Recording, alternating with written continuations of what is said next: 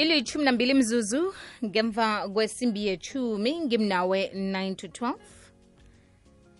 sithokoze kusibuku rinarha sizokuba nawe godu ngelesithathu ngo-half past 9 sesitshetsha ngokukhuliswa komntwana namhlanje sike i-family meeting ku-086 000 3278 kukulapha usidosela khona umtato namkha usithumele iphimbo lakho nge-whatsapp ku-079 4132172 indaba esiyitshejako-ke namhlanje ngiyokuthi uh, kuba yini kanti umndeni ukhetha ukuzilungisela umraro olicala kungafakwa umthetho?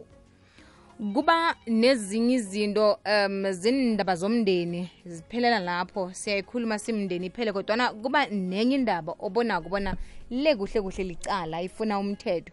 Um kodwana kunokuthi sitshinge emthethweni sithi sizayikhuluma nasi um evane ithuse khulu namkha ebayimbi khulu. Uthola ukuthi kunomntwana ukatiwe. Siyazi bona kunabentwana abaningi ababhalelwa ngokukhuluma lokha nabadlelezelweko. Umntwana uyagagadlelwa khona ekhaya apha lilunga lomndeni. E, athi angaba nesibindi sokukhuluma umntwana bese kuthiwe ungasathoma uyikhulume indaba le akukafanele bona ifike emapholiseni namkha endlebeni zabanye abantu bangaphandle. Sizoyikhuluma thina simndeni. Bese kukhulunywa nalo okunguye olelesele umntwana. Ngoba yena umuntu omkhulu kukhulunywa naye iphelele lapho bese umntwana. Kuba yini kwenziwa njalo? Um sengiyafanisa nangithatha lindaba ngoba um kukanengi vela into efana naleyo ukuthi umntwana ugagadlelwe kodwana-ke akunamuntu obotshisiweko kukhulunywe nomuntu omkhulu owenze okumbi emntwaneni. Kuthiwani ngomntwana kuba yini indaba le ingasiwa emthethweni? Family meeting imzuzu nayimatshumi amabili nahlanu ngaphambi kwesimbi yechumi nanye ngimnawe 9 to 12 umndeni ubiziwe yi-family meeting Ngibonani namhlanje ekuseni kwekwezini. Sisibusa le ndaba ethintayo ibuhlungu kakhulu ngani ngoba phela umndeni uma kuvela izinto ezinjengalezi babona ngathi kuyihlazo ukuthi sithathele izinto lezi ezenzakala emndenini ebantwaneni bethu ukuthi sizise emaphoyiseni baye babona ngathi kuzoba ihlazo kakhulu loyo muntu wenza leso senzo esimbi bese uyahlazeka bese uyazonda or kwenzekalani aboshwe. Yingakho baye babona ukuthi ngcono bahlale phansi bayilungise bona bangumndeni bangafaki umthetho phakathi. Bese kuba buhlungu la kuthina umntwana uyalimala kulokho ngoba lo muntu omenza leso simo umbona every day ngaso sonke isikhathi ula ecingi kwakhe uthola ukuthi kwesinye isikhathi umntwana uyahlukumezeka-ke yingakho ngithi mina umndeni kahle kahle ah akufanelanga ukuthi athathe leso sinqumo leso. Nabenza kanjalo ayikho into esingayenza ngoba bakusatshwa ihlazo kakhulu yimi. U-ana ebosberg bay imatshumi amabili nantathu imzuzu ngaphambi kwesimbi yechumi nanye ikwekwezi fm kukhanya ba. Kuba yini umndeni ukhetha ukuzilungisela umraro licala? Kungafakwa umthetho. Kuba yini kanti ku-086 000 3278 kukulapha usidosela khona umtatu namkha usithumele iphimbo lakho ngewhatsapp ku-079 413 kufacebook page yomrhatsho ikwekwezi fm nakhona-ke ungasihlolela umbono wakho. Tala babas uthi umthetho uthatha um ihlangothi bese bafuna ukubopha lo omlando ekubeni akusiso isombululo leso. Kanti kufanele kwenziweni ignatia aniki uthi ezinye azifuna umthetho. Niyazilungisela ngaphandle kokuthi um leso kube sisenzo esimbi esifuna bomthetho. Nakube ayilungi ayiye phambili. Thoma ilungiswe emndeni ne? Um uvusi bhangela ngeleverina ipokoma uthi kwenzelwa bona kuzabe kuvele nendaba zomndeni ekungakafanele zaziwe ngewoke umuntu. Phela umthetho urhubhulula indaba eziningi zifihlelwani kanti nakunomuntu otlhorisiweko lotsha zuzu ngomvulo omuhle. Nangohatasi ngiyalmaster fc no ngiba ukuyilanda nge-example oyenzayo nje ukuthi umuntu nakagade umntwana. Angitsho zuzu eh prisons bathi ma-correctional service so kuyalungiswa kulungiswa abantu. Umuntu ekutheni babona ukuthi mhlambe uphule umthetho then aye lapha yokulungiswa it's more like i-rehab i-prison right? So so so now nangabe ifamily idecide ukuthi indaba le asizamente nokuthi siyilungise ngoba bayazi ukuthi iyafana phambili nala yakhona umuntu lo fanele abayomjezisa uyokulungiswa. Then why thina simndeni singamlungisi thina first? Sikhulume naye and then eh, nangabe nawe uya- uya- uyavuma ukuthi into le uyenzile ne-wrong and then sibone ukuthi um simlungise njani simndeni ukuthi into le angasayiphinda ayenze nakabanye whether nge- whether ngejaridini or ngaphandle angasayenzi. Fanele sibone simndeni ukuthi simlungisa njani ngoba akusizi ukuthi sithathe itoke nangu u- umadzela uchaphile then si- as- simlahlele emthethweni umthetho awumlungisi. Why thina singamlungisi ngoba umntwana yethu ngejaridini so fanele umndeni uzame ukumlungisa then umntwana naye athathwe ayisiwe kuma-counseling athande ama- ama-session. Then nangabe umuntu loyo akalungi from lapho then awa lo sekasilwaniye-ke then kamaresi ngamlahlela le ku- ku- eh, em- em- emthethweni-ke mhlawumbe bazamkhona but i believe ukuthi a- awutsho ukuthi nasimndeni asikwazi ukulungisa izinto siyakwazi ukulungisa izinto sekuthi um bese kuba nomthetho osenzelako lokho. Um wena zuzu singazenzela nangabe sinesikhathi and then eh, singakwazi ukuthi sihlangane simndeni a- abakubhali. Urhatasi Zuzu Locha Zuzu ngikulalele ngiyasizwa isihloko sakho ngiyakuzwa nangendlela ufanisa ngayo. Yes nase kufike ekutheni kunomuntu ohlukumezako ikakhulukazi mhlawumbe umuntu onjengomalume bobaba omncane yabo? Enze into embi like mhlawumbe emntwaneni womntazana noma mhlawumbe emntwaneni womsana bese indaba khona iyavela bese vele ingayi emaphoyiseni. Khona kuyinto embi ukuthi nimndeni nizisolvele into enjalo ne?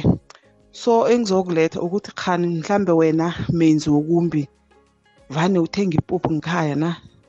Of ukhona obenzela khona? Angazi. Ya khona kuyinto embi mara ngizokutsho ukuthi mhlambe vana yi-breadwinner thiwe hayeyi ungayivezi njani njani khona yimbi and umntwana uyo- uyokhula ahlukumeza nje omunye nomunye uzobe ahlukunyezwa ngapho ngikhaya uyayibona into enjalo? Ya indlela engiyibona ngayo leyo mina ngizokutsho njalo. Ya ngikuthokoza bye Hello Zuzuzwana, unjani sisi? Eh Zuzu, yazi isihloko ukukhuluma ngasweso. Eh nanoma kungasizi izinto ezijidilene nathi. Mara kuyakhonakala ukuthi kube nomuntu omaziko kube wahlukunyezwa ngendlela wena okhuluma ngayo leyo. And umntwana lo okubuhlungu ukuthi wathi nakathi abuya lapha bekahlala khona bekachazela woke umuntu ukuthi bebamenzani. And nakose akhuluma into leyo bambetha. Umntwana khona nje okubuhlungu kukuthi eh, nehloko a- akasa nawumqalileko akasimuntu ngathi unomali. So a- yazi okubuhlungu ukuthi njenganje selafuna nokuba nomntwana and akakhoni ukuba nomntwana. Wahlukumezeka umntwana loyo zuzu and nanje ekhabo basayithulele. Manje thina ngoba akusiyinto ecalene nathi ukuthi singayithathela amagadango. Bekhabo basathulile and thina isifundise ukuthi umntwana loyo angasizeka. Asikhoni ukuthi singakwenza lokho ngoba bazakuthi mina ngiyithethephi and bazakuthi khona ngithe ngizakuthi ngithathela umntwana loyo amagadango yazi sasa bese bathi utsha uphekeni. Yazi zuza amalanga la urhelebha umuntu kubudisi kwangangokuthi nanoma umbona umntwana lokuthi wayelidinga isizwe lokuthi thani uyosizakala mara umndeni wakhe uyazi ngalokho mara kube uthulile. Umntwana loyo ungizwisa ubuhlungu zuzu ungizwisa ubuhlungu kwangangokuthi yazi na umcalileko vele wahlukumezeka ngoba bathi ngendlela bekangabe bambetha bambethe and then bamphosela naphezu kwamaboda yazi saka- usaba nobuhlungu zuzu noma abukela imuvi uyeca and eh, uthi batsho unenkinga nanoma sekahlangana nomuntu ahlalisana naye. Uyacina uyasaba like ukho wabona ungathi wenziwa or ukhumbula into awayenziwa yona ngekani? Angazi. Mara ezinye zezinto zuzu ziyafuneka ukuthi abanye abantwana bangahelebheka and kusemndenini ukuthi wena umntwana lo ohlukumezekileko lo nomcalileko uzwa njani ehliziyweni akho akhe kubeni nozwelo nizwela abanye abantwana nithathela abanye abantwana amagadango ningagadangeli into embi kangaka yimbi into lezuzu ngiyathokoza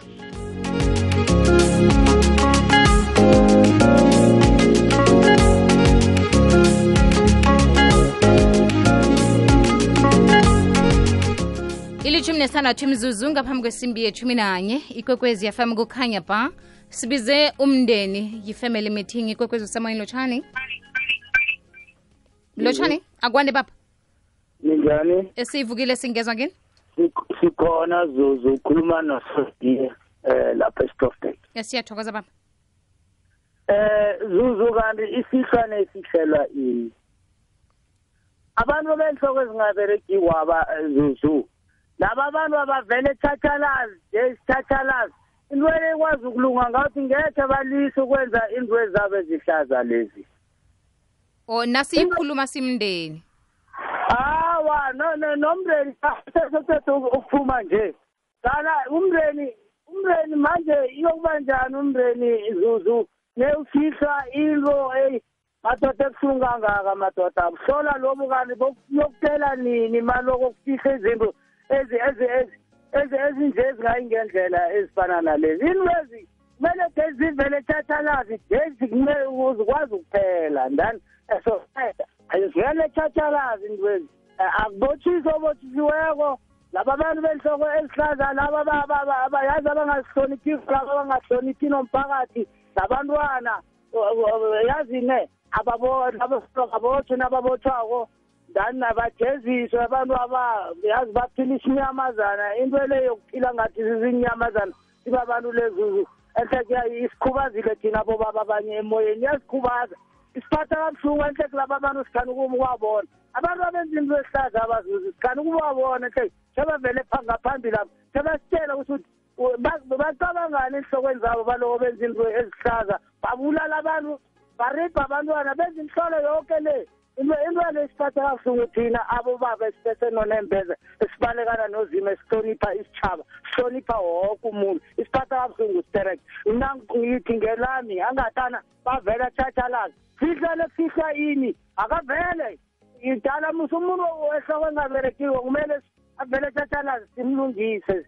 Simlasitele ukuthi inkinga yakhe yini koma angaberegisi ihloko. Why Eh. angazihloniphi angahloniphi na wonke umuntu? Wenza njani? Asitele kuhle kulungile zio Eh, siyathokoza baba. Kwekwezi usemoyeni lotshani akwande. Ikwekwezi usemoyeni lotshani Eh lotshani mangazethu kunjani? ngivukile kunjani? Ah kamnandi khulu. Zuzu mina ngwami umbono ngicabanga ukuthi umndeni navani uzilungisela. Ayobalekela into efana nokuthi uthole ukuthi nakubiza amapholisa abantu abakuhamba kuhambe bacolelane and then omunye lo sekane-criminal record akusazwana.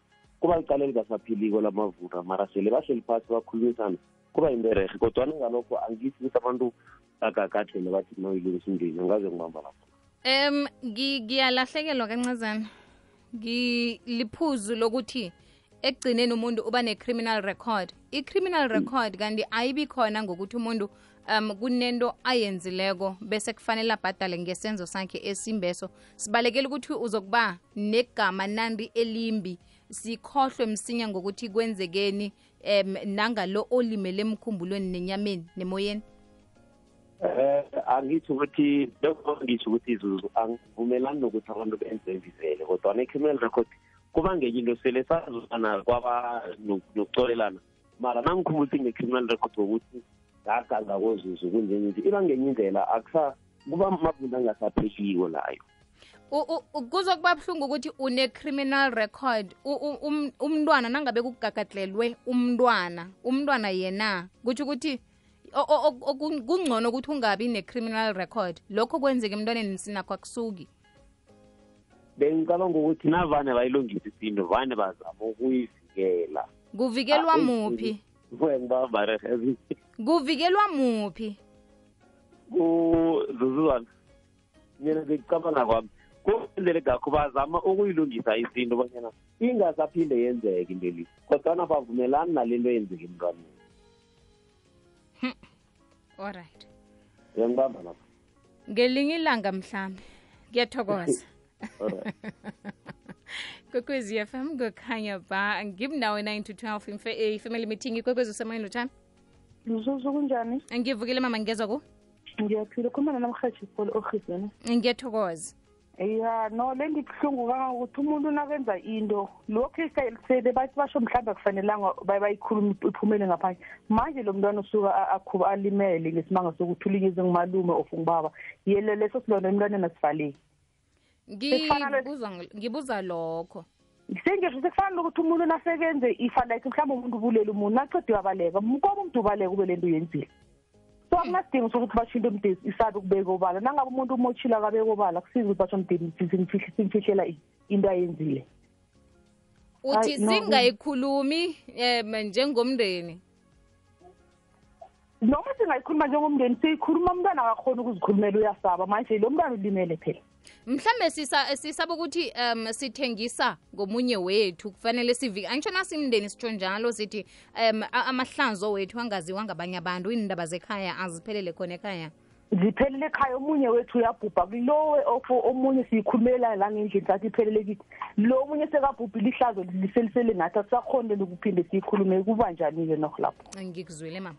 Ayi no kubuhlungu zuzu babayo kuyathokoza mlaleli ikwekwezi fm yenza konke okusemandleni ukukwakha nesitshaba sonke ngokukulethela amahlelo afundisako. Konke lokhu kungaba bulula ngombono nomfakela ovela kuwe ukuthi ikwekwezi fm ingakusebenzela njani ngcono njengomlaleli wayo. Sitlolela ngeposomoya ethi info at ikwekwecfm co za namkha enkundleni zethu zokuthindana zomrhatsho ikwekwecfm kukhanya ba umndeni ubiziwe yi-family meeting. Ilithoba kwaphela imzuzu ngaphambi kwesimbi yethumi nanye kwekwezi fm kukhanya ba kwekwezi usemoyeni lotshani zuzu. Akwande. Kunjani ngikhona kunjani? Ngimi ungahleki si-serious la. Yes serious cool. Zuzu yeyi wena yazi indlu enzima le mani yazi si o wasilahlekela kwekwezi usemoyeni lotshani? Ku 086 kwekwezi usemoyeni lotshani? Zuzuzana. Akwandi mama ya zuzu yazi ngivuzela kamnandi abantu aba- aba- abaphawula kwaba. Ukuthi umntwana yena akalimali na lekuthiwa akuvalwe imihlazo zuzuzana Eh. yazi abantu abadala bavikela abantu abadala zuzu Hmm. ababoni noma into umuntu enze into e-wrong thiwa awa ayikhulunyele phasi yini? ngithi umuntu omotshileko akabotshwe kanti zuzu ukuthi lilunga lomndeni singaya nakho lokho. Ukuthi ilunga lomndeni singaya nakho lokho. Akayokulungiswa le emthethweni ngokuthiwa ngokuthi neyikhulunyela ekhaya kuthiwa noma u- i- umuntu omkhulu nakenza into wrong Mm. kuthiwa umntwana angakhulumi. Hmm. why umntwana angakhulumi ezibuhlungu? Ya ngiyakwizwa why? So kuze-ke kuthi nomntwana akwazi ukuzikhulumela ayithinge khodo ngikuzwile mama. Thank you zizo ikwekwezi usemoyeni lotshani? Ekwezinto tshani akwande baba. Eh zuzu ngaphela ngaphela ukukhuluma noDumsane. Dumsane. eh dumsane zuzu yabona imi- imi- i-meeting leyo ma- ma- mayiqeda hlala kukhulunywa leyo ndaba leyo ngiyaphuma ngibiza amaphoyisa ngiyawatshela ngithi bawoleleni bonke labantu labalandini ubaba umama umalume mkamalume umamncane sonke kuba yini kanti wenza njalo?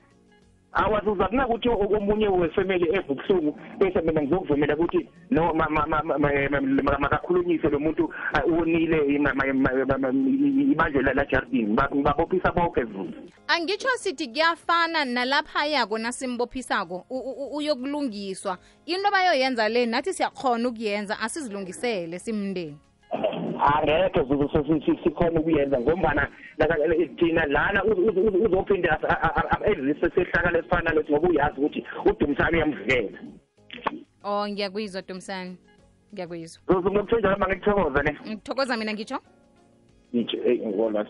ikwekwezi usemoyini lotshani? Ikwekwezi usemoyini lotshani? Sivukeleni njani ngumakadela itiline ngokufitshane khulu zuzu umhlukunyezwa. Nguye kose afikile ngoba nina nizokusikima yena athule. Or nimhelebhe mhlawumbe usiya ngibaba kwakhe nimhelebhe nina nithi niyalwa nimthethe lapha akuhamba ikubaba lo amtshele ukuthi ngini enifuna ukuthi nimhlukane. Yazi ngasuthi engikubonileko kwenzekako ngilokhu kuba mntwana omncane kanengi ne? Um umntwana lo kube ngasuthi akaboni namkhakazwisisi ukuthi kwenzekani nanyana into lebuhlungu kangakayenziwe kuye. Ak- akukazokuthathwa into ekhulunywa mntwana bese sithathe ngayo isiqundo siye emapholiseni. Sizoyikhuluma thina sibabantu abakhulu yena ahlale lapha. Wena ungasathoma uyikhulume into leyo iphelela ekhaya yindaba yekhaya um bese sikhuluma nalo oyenzileko into le emntwaneni. Ukuthi ungasathoma uyenze into le hawa siphila naye kamnandi. Kodwa nomntwana loya ukuthi ulimele kangangani? Utshejwa ngibani ngoba sewakhalinywa kwaphela. Kwaba ngasuthi nguye ozibaweleko ukuthi azwiswe ubuhlungu. Into ayikhulumako angeze yasebenza ekhotho ngubani ozomkholwa ngoba mntwana kodwana ulimele. Ya khona urejoyce mashiyana ngemva kwesimbi yethumi nanye siqala ihlangothi lomthetho. Sifuna ukwazi-ke ukuthi-ke indaba ezifana nalezi kufanele senze njani ngazo simndeni ngoba ziyenzeka emndenini into zok- zokuhloriswa. Umthetho ungena njani? Namkha kulungile na ukuthi sizilungisele thina? Ikwekwezi fm kukhanya bhayile ithumi nane imzuzu ngemva kwesimbi yethumi nanye ukhona umdlalo omoya wesihloko esithi osemsamo limphosa emnyango imzuzu nayimathumi amathathu ngemva kwesimbi yethumi nanye ngimnawe 9 to 12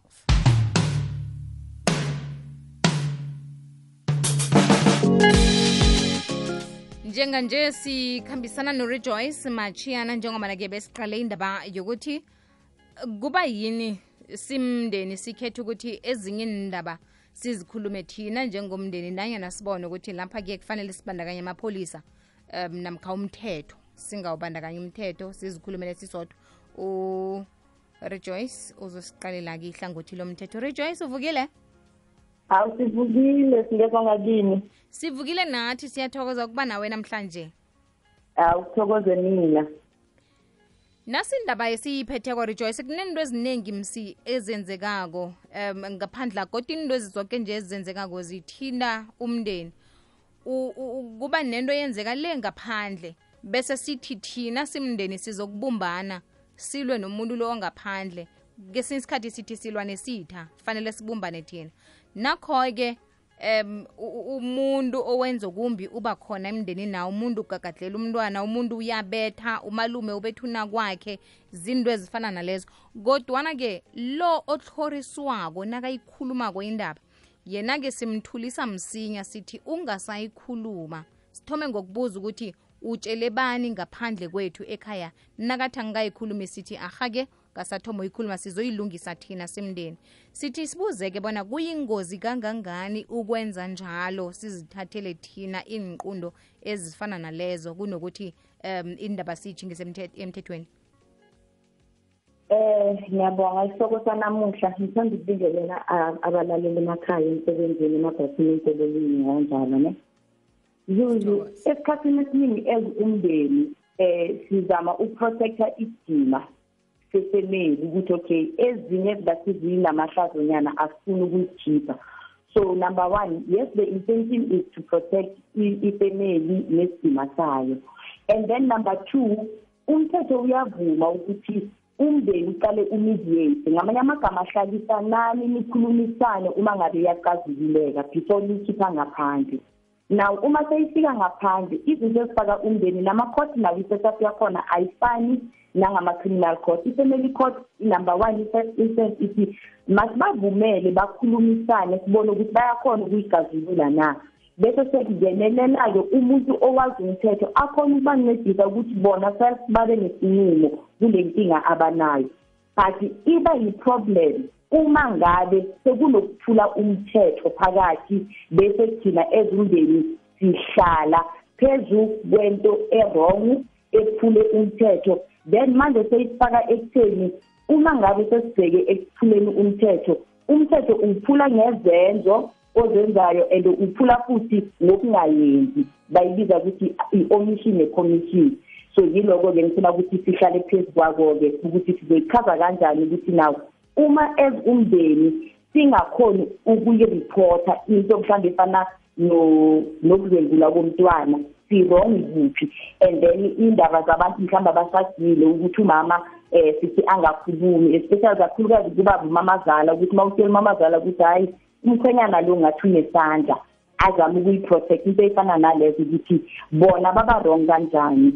Number one iba wrong ekutheni eh nokomthetho uma sibheka the criminal aspect of the law kuba ne-accomplice ngamanye amagama ungumncedisi and accessory after the fact. Ngamanye amagama sibheke umncedisi walo wenza into wrong and then number two lo ovala lento errong ngamanye amagama nawe sowunecala ukuthi uvele icala selenzekile wafihla ukuthi amapholisa angasangeni. Hmm. okay. Kuyaqalwa ukuthi um otlhorisiweko lo yena uthini? Um sicabangele nokuthi mumuntu ongangani esikhuluma naye lo namkha esikhuluma ngaye? Yebo. Eh amaka otlhorisiwayo it can start from any age but ngokomthetho babheke ukuthi eh uyakhona ukuzikhulumela na? But ama ama ama sebawenza ngendlela yokuthi kube nomuntu omkhulumelayo ngamanye amagama i-guardian umzali or i-social worker. Kube umuntu okwaziyo futhi uba nelungelo okuyomvulela icala akhulumele lo ongakwazi ukuzikhulumela i-stay for instance umntana omncane uyathoriswa and then uma ngabe-ke umuntu omdala-ke mhlambe-ke maybe like i-abuse endlini ukuthi naw i-statement sakhe sizoba important ngoba nguye fanele achaza ama-incident so otlorisiweyo ubalulekile ekufezeni icala but uma sibhekele ebantwaneni abancane lithi i-high court is the upper guardian of all minor children. So ngamanye amagama indaba ingaze ifike emaphoyiseni emaphoyiseni bayifaka kubashushisi abashushisi bayakhona ukuqhubeka necala ungasekho wena mnikazi or ngamanye amagama uzathi noma icala ulifakile mawuthi uyaphindela uthi uyalisula bathi ye-es thina sesiyaqhubeka nendaba ngoba into besifuna bekuyi-statement and then sesiyoqhubeka nama-investigations wethu sifake ama-experts uma ngabe ayadingeka ama-experts sisebenzise bona-ke ukuthi siqhubeke necala ukuthi kutholakale i-justice for lo otlorisiwayo kuyezwakala rejoyce khe sithengise sibuye msinyazana okay.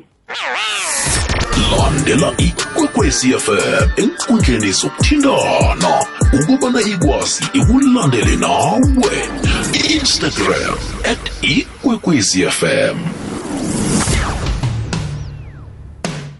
imatshumi amabili mzuzu ngemva kwesimbi yethumi nanye yikwekwezi fm kukhanya ba rejoice khe ngibuze lapha. Um nakhu-ke isiqundi sithethwe mndeni ukuthi umuntu lo sizokukhuluma naye thina. Mbala sikhulume naye eh simkhalime simtshele bona into ayenzile kule angasathoma yenze kodwa nangelinye ilanga angasayibuyelela. Umuntu othorisiweko ungazimbi mntwana. Kuzokwenzekani nakufika lapha azwisisa khona ubumbi bento eyenziwe kuye? Yenzeke mhlawumunye eminyakeni emihlanu nayenzekako asithi bekana-5 namkha bekaneminyaka elithumi sekana-15 ke nje namkha una-20 um unaliphi ilungelo lokuthi angayisikimela into le? Namkha kuthiwa awakade yenzeka bewuthuleleni ngesikhathi eso? Okay. Eh into emnandi ngamacala eh afaka amaphoyisa like ama-criminal matters ngokwesilungu ukuthi awaboli. So awaprescribe. Ngamanye amagama the day umntana akhumbula ukuthi kunento eso engangiphathanga kahle whether ukhuluma nomam or yena self uyazenzela kuvumelekile noma ngabe kuyi-50 years 40 years ago. As long as lo muntu obekamhlukumeza asaphila i-justice can still be served. Ngoba into efunekayo kakhulu i-statement sakhe achaze yebo uzasho yena ukuthi ngawutshela umndeni umndeni wachuza ukuthi bangangiprotect or ini. Yila sekuzoba i-decision yama-prosecutor ukuthi siyafuna ukumcharge nawo umndeni na eh ngokuthi bahlulekile ukuprotecta umntwana or ukuletha icala but kakhulukazi abayingeneleli. Bazobheka lo ophule umthetho ukuthi naw siyakhona ukuqhubeka ngaye na. Now inkinga izoba sekutheni in the details. Amacala amaningi especially amacala afana nokudlwengula aba-easy uma ngabe sibiza i-evidence kusesesemzimbeni so ngamanye amagama noma ungasho nge-statement sidinga i-proof yokuthi yebo ngamanye amagama like i-d n a isesekhona emzimbeni wakho then it's much easier. But uma ngabe-ke mhlawumbe maybe sekwaba nomntwana owavela maybe abogogo bamthatha or ini now singasebenzisa leyo mntana kuzo-testwen if akunamntana i-statement sakhona kuzodetermine ngamanye amagama kuzokucheckwa imemori yomuntwana ukuthi usakhumbula ukuthi bekukunini kwenzeka kuphi. Ama-details kakhulu awasabalulekanga but nesho ukuthi lo muntu uyalivuma akalivumi. If akalivumi lo muntu ofuna ukumbophisa yiziphi izinto angazisebenzisa? Yibaphi abanye mhlawumbe abaziyo? Or yimuphi umuntu omdala ongavela azoconfirma i-statement somntwana? So yila umndeni sekufanele khona-ke uvele umndeni nakhona awuveli-ke liyachubeka futhi umntwana ayedwa noma ngabe sekamdala so umthetho unazo izindlela zokubhekelela ukuthi singambhekisisa kanjani ukuthi lo muntu ancediswe ukuthi kutholakale um ngamanye amagama ukuthi loya akhonvictwe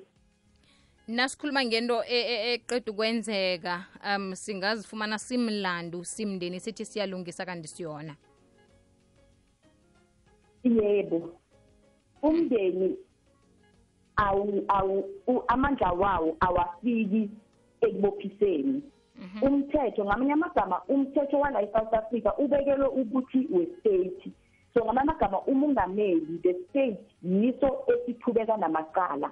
So umndeni yebo ngendlela zabo zokukhulumisana ukuthi hayi masihlalele singachubeki but akwenzeba akwenzekanga yibo so lo olimele nguye ngamanye amagama onelungelo or nguye ongayitusha but if khona mhlambe maybe omunye family member eh owaziyo angaba khona ukumncedisa or ayomkhulumela uma ngabe babona ukuthi hayi umuntu lo be it umakoti or umntana ozenguwi ozengulile ukuthi uyasaba ukukhuluma. Ukhona naye. Sometimes iba anonymous akhona ama-line ukuthi ama-toll free uyafonela usho ukuthi endaweni esokwenzakalani uma ngabe basaba ukuvela or wena-ke-ke mhlawumbe maybe ukhulume nama-social worker then ama-social workers will take it from there. So bona umndeni baya umthetho uyavuma ukuthi nabo bangababamba isicala ngokuthi they failed to act. Or baba ama-accomplice or ama-accessories after the fact so ngamanye amagama nithe noma nazi na-protector so ngamanye amagama kunamakala a-extendayo like for instance icala lokweba. Icala lokweba ukuthi uma ngabe siyazi ukuthi ubhubhi lento akasebenzi mara unayo la endlini ugogo uyathula. Ugogo bangambopha ekutheni naye utshontshile because icala elifana nelokweba is a continuous crime. Lithi lona lapho uyoyithola khona lento itshontshwe yilo muntu esiyithola kiyo. So kuzohlukahluka ngokuthi lezenzo zinjani and lo owaziyo ngamanye amagama ufisha ngokwenhloso or ignorance yomuntu because amakala amaningi lawa abheke i-criminal court kufuneka intention ngamanye amagama vane ube wazi wenza. Even though kukhona la gabo makhalifable homicide angadingi ukuthi uvuke ekuseni wathi uyobulala but utholakale ukuthi impilo seyiphumile so kuzohluka ngokuhluka ukuthi yicala elinjani lo muntu bekufanele azi or lo muntu uyazi or lo muntu ofana naye olingana naye bekazowazi ukuthi lento le iyebiyo or lo mntwana lona eh udlemuliwe or into ngamanye amagama amacala ahluka eh ngezenzo. So and nakhona each case is determined on its own merit ngamanye amagama kose sive sibone kwenzakaleni sithole i-statement and then sizokhona ukuthubeka-ke ngoba amacala ayahluka. Rejoyce kuzwakele siyithokoze khulu ilwazi osabele lona nesikhathi sakho. Sikufumana njani konje okay kuthokoze mina mkhathi mina ngitholakala kumakhala i-cellphone is zero seven two four one two three zero zero five. Zero seven two four one two three zero zero five. Sithokoza khulu rejoyce ukuthokoze mina mkhathi